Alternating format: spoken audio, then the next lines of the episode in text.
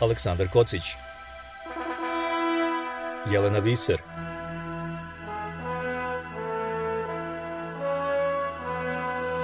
Radio Karantin. Hronika istorije u nastajanju. U Srbiji se za koji dan održavaju predsjednički i parlamentarni izbori, a u Beogradu i lokalni. Pandemija na tim izborima uopšte nije tema. Srbija je u pandemiju ušla nespremna, pa je prošla kroz besmisleno drastični karantin i onda ukinula pandemiju radi održavanja izbora, pa je posle vakcinacija protiv covid koja je krenula fantastično, doživela krah, da bi na kraju Srbija izbila u sam svetski vrh crne liste umrlih od koronavirusa. I uprko svemu tome čini se da pandemija ne igra nikakvu ulogu u ovoj predizbornoj kampanji. Radio Karantin traži ovih dana odgovor na pitanje zašto je tako i kako će ruska agresija na Ukrajinu uticati na predstojeće izbore, odnosno na položaj Srbije nakon izbora. Ja sam Aleksandar Kocić, a moji gosti u narednih par dana su britanski novinar Alex Error i politikolozi Vuk Vuksanović i Dejan Bursać. No, pre njih danas razgovaram sa urednikom TV kanala Newsmax Adria u Beogradu, Slobodanom Georgijevim. Ne zamerite na malo lošijem kvalitetu snimka, nije nam se dalo sa vezama tog dana.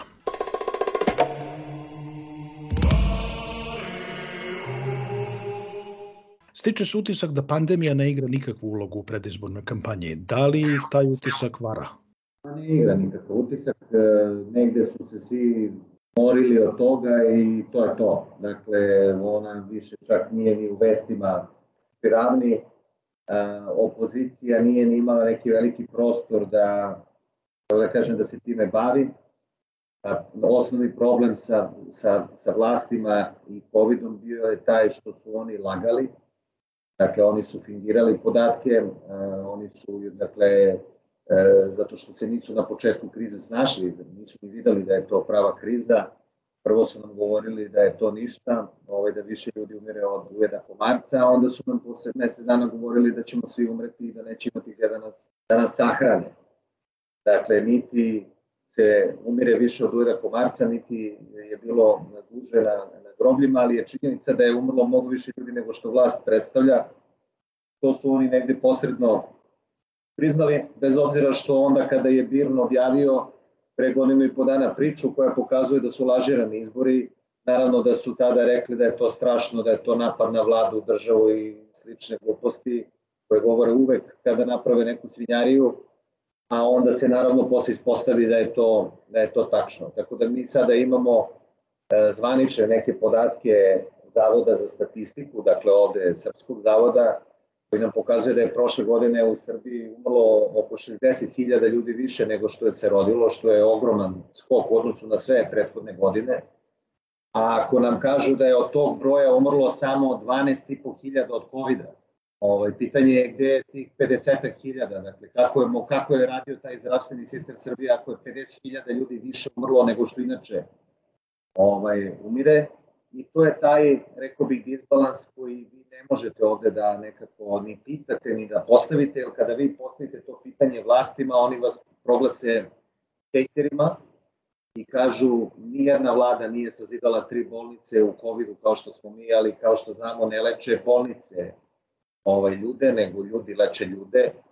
Ovaj, I to se sada, to se sada dešava, dakle, nema, kažem, nema neke velike priče oko, oko celog tog e, postupka i oko COVID-a, to, to ovde nije tema. Imali smo i mi ovde nemačkog statističara koji je došao do sličnih zaključaka putem statističkih metoda o broju umrlih. Isto tako imamo krah vakcinacije. Zašto opozicija ne pokušava da ubere poene na tome? Opozicija prosto nema to u svojoj priči. Zašto nema, ja to ne znam. Znači, ja im ne pravim program Ja mislim da su oni bili dugo vremena, sve naravno do početka rata u Ukrajini, mislili su da će ta priča oko Rio Tinta da bude ključna. Zato što, zato što je na toj priči, se, oko te priče se puno ljudi okupilo, čak i ono biračko telo SNS-a bilo na, na stanovištu da, da, da to ne sme, da ne sme Srbija da postane neka vrsta evropske rudarske kolonije.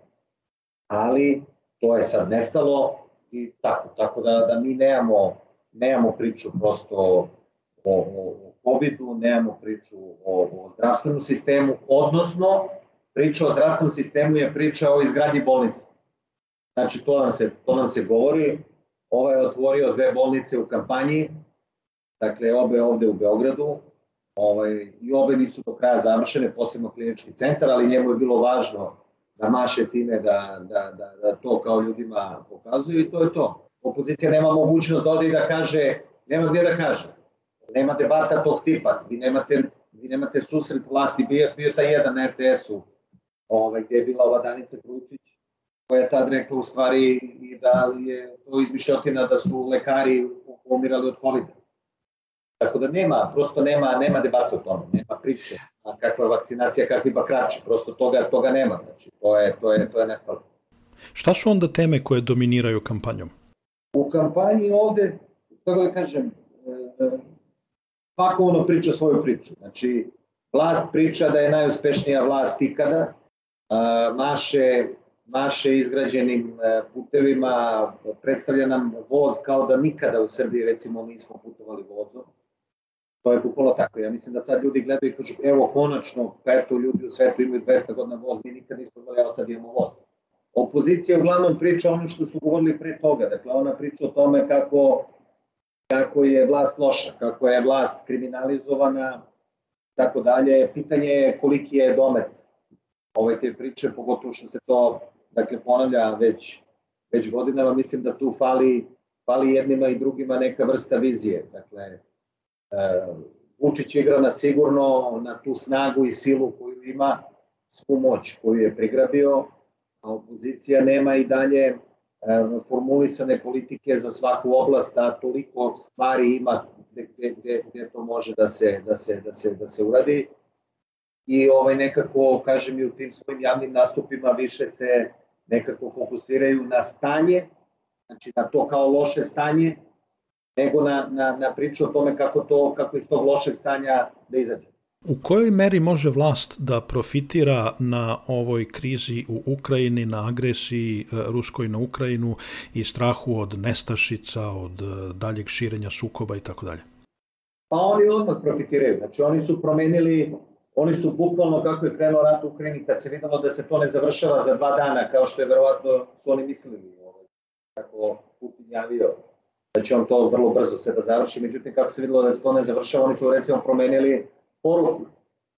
Pa je poruka od toga zajedno možemo sve pretvorena u mir, mir sigurnost ili stabilnost Vučića. Znači oni su odmah, odmah su ovaj reagovali e, i s jedne strane boostuju priču o tome kako je strašno, kako nema nigde, kako vi tamo na zapadu gladujete, kako nemate grejanje, kako nemate struju, kako ćete svi da pocrkate, a mi ovde kao uživamo jer imamo dobru vlast koja nam je sve omogućila i ništa nije poskupelo i sve, sve je super. Dakle, to je, to je njihov narativ koji oni guvaju ovaj, sve vreme. Imate kampanju u kojoj se zapravo samo jedna stranka vidi, jedan čovjek za to. Jer ovi drugi nemaju Ovi drugi jedva da imaju po neki billboard.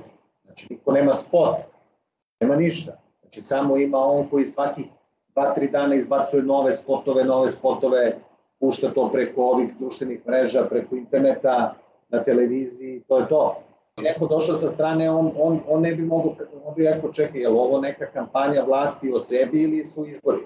Pošto vi ne biste mogli da imate utisak da se ovde dešavaju bilo kakvi izbori. A da li vam se čini da je opozicija aktivnija na terenu, da su više na ulicama u kontaktu sa građanima? Pa ja mislim da opozicija sada se fokusirala na to i to je dobro da obezbedi kontrolu.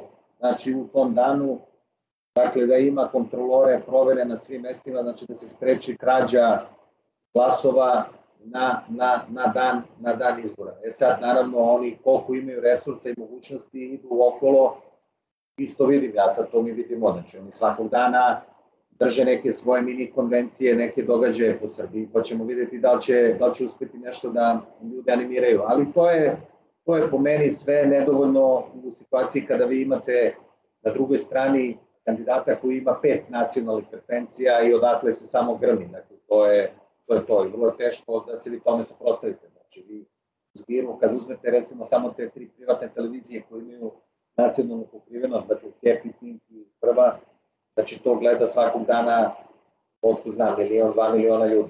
Sad je vrlo teško, vrlo teško tome da pariraju, dakle, ovi iz opozicije. Dakle, oni se pojavljaju naravno u ovim našim programima na Novo i na N1, ali to ne dobacuje do te mere, a i, kao da kažem, to nisu takvi programi, dakle, niko njih ne zove na televiziju da se hvale, nego ih se pita, normalno se razgovara kao sa svim, kao sa svim ovaj, političarima, dok vlast ima, dakle, svojih pet kanala zemaljskih gde ide i možda priča šta god hoće, bez ikakve stanke, zazora i tako dalje. Dakle, ta trka je potpuno neravnopravna i svi su znali od početka da je ona ovaj, neravnopravna, ali eto, mi smo tu gde jesmo, čini mi se da se da je očekivanje da, da se proba u Beogradu može da se napravi neki rezultat koji bi bio značajniji, a ovo sve drugo, dakle i predsednički parlamentarni izbori, mislim da tu niko ne očekuje da može da pobedi Čiće i ove njegove naprednjake, ali se veruje da može da se napravi neki rezultat. Da u, u parlamentu imamo osetniju ovaj, opoziciju, da imamo pravu opoziciju, pa barem tamo da se taj politički život koliko toliko uh, vrati u neke, neke regularne tokove, zato što mi nemamo od 2018. godine mi nemamo, mi nemamo regularan parlament. Ako imamo tako katastrofalnu medijsku situaciju, ako imamo sve prljave trikove kojima se vlast služi, da li u Srbiji uopšte ima smisla izlaziti na izbore ili energiju treba usmeriti u nekom drugom pravcu da bi se došlo do promene vlasti? Pa nema, dakle, ovaj, nema, nema drugog načina, zato što je drugi način je bio tamo kraj novembra, početkom decembra, ta šansa je, kako da kažem, potrošena, to je završena. Sad nema, nema drugog načina, ne vidim to, ali kažem, uh, ovi ljudi koji učestvuju u političkom životu probaju šta mogu u ovakvim okolnostima. Isto kao mi koji radimo u medijima gde pokušavamo nekako da preživimo, da nešto radimo, da kažem, u društvu gde to nije dozvoljeno. Bukvalno nije dozvoljeno. Jer ako vi imate situaciju da je predsednik te stranke zabranio, znači zabranio javnim funkcionerima iz svoje stranke i ovim koji su s njim u koaliciji da razgovaraju sa, sa, me, sa delom medija. Da je to jasna poruka. S kim se ne razgovara? Ne razgovara se s teroristima. Dakle, oni nas, oni nas doživljavaju kao teroristi. Da nije tako, znači oni bi dolazili u programe, odgovarali bi normalno na pitanja, ne bi bila takva vrsta tenzije. Imate situaciju da su vama institucije otete. Neko vodi instituciju i on neće da vam odgovori na, za ono što radi, zašto je odgovoran, zato što mu je rekao to šef partije. To nisu regularne stvari, to nisu normalne stvari. Znači, kad mi neko kaže ne, pa to postoji svuda. Ne, to ne postoji svuda. To ne postoji svuda i niti je bilo ovde tako. Znači, ovde čak ono, ovi maturi znaju u slobino vreme, pa nije bilo tako. Sad nije da su ni oni jurili ove njegove satrape da nešto pitaju i tako dalje. Ali, ali se moglo da se da se razgovara na, na nekom nivou. Znači, ovaj čovjek je sve to stopirao, isključio i vodi tu vrstu te svoje specijalne operacije medijske gde treba da nas, kako da kažem, stvari je da svi odustanemo. Znači da mi u medijima odustanemo, da ovi koji se bave politiku, politikom odustanu i da lepo svi dođemo da se poklonimo i kažemo, pošto se već pojavljuju ovde takvi predlozi da se menja ustav, da on bude doživotni predsednik, dakle možda je to, možda, možda ćemo to, možda. Dakle, to je, to je ovde situacija i kažem, svaka priča je priča zapravo o tome. Da li postoje uslovi? Ne, ne postoje uslovi. Zašto ne postoje uslovi? Pa zato što ovi koji su na vlasti ne dozvoljavaju. Zato što oni ne mogu da zamisle da izgube mesto zajednicu, a ne da izgube velike izbore za skupštinu. Oh, yeah. Radio karantin. Bio to Slobodan Georgijev u razgovoru za Radio Karantin. Sutra je moj sagovornik Dejan Bursać, istraživač na Institutu za političke studije u Beogradu. Aleksandar Kocić Jelena Viser.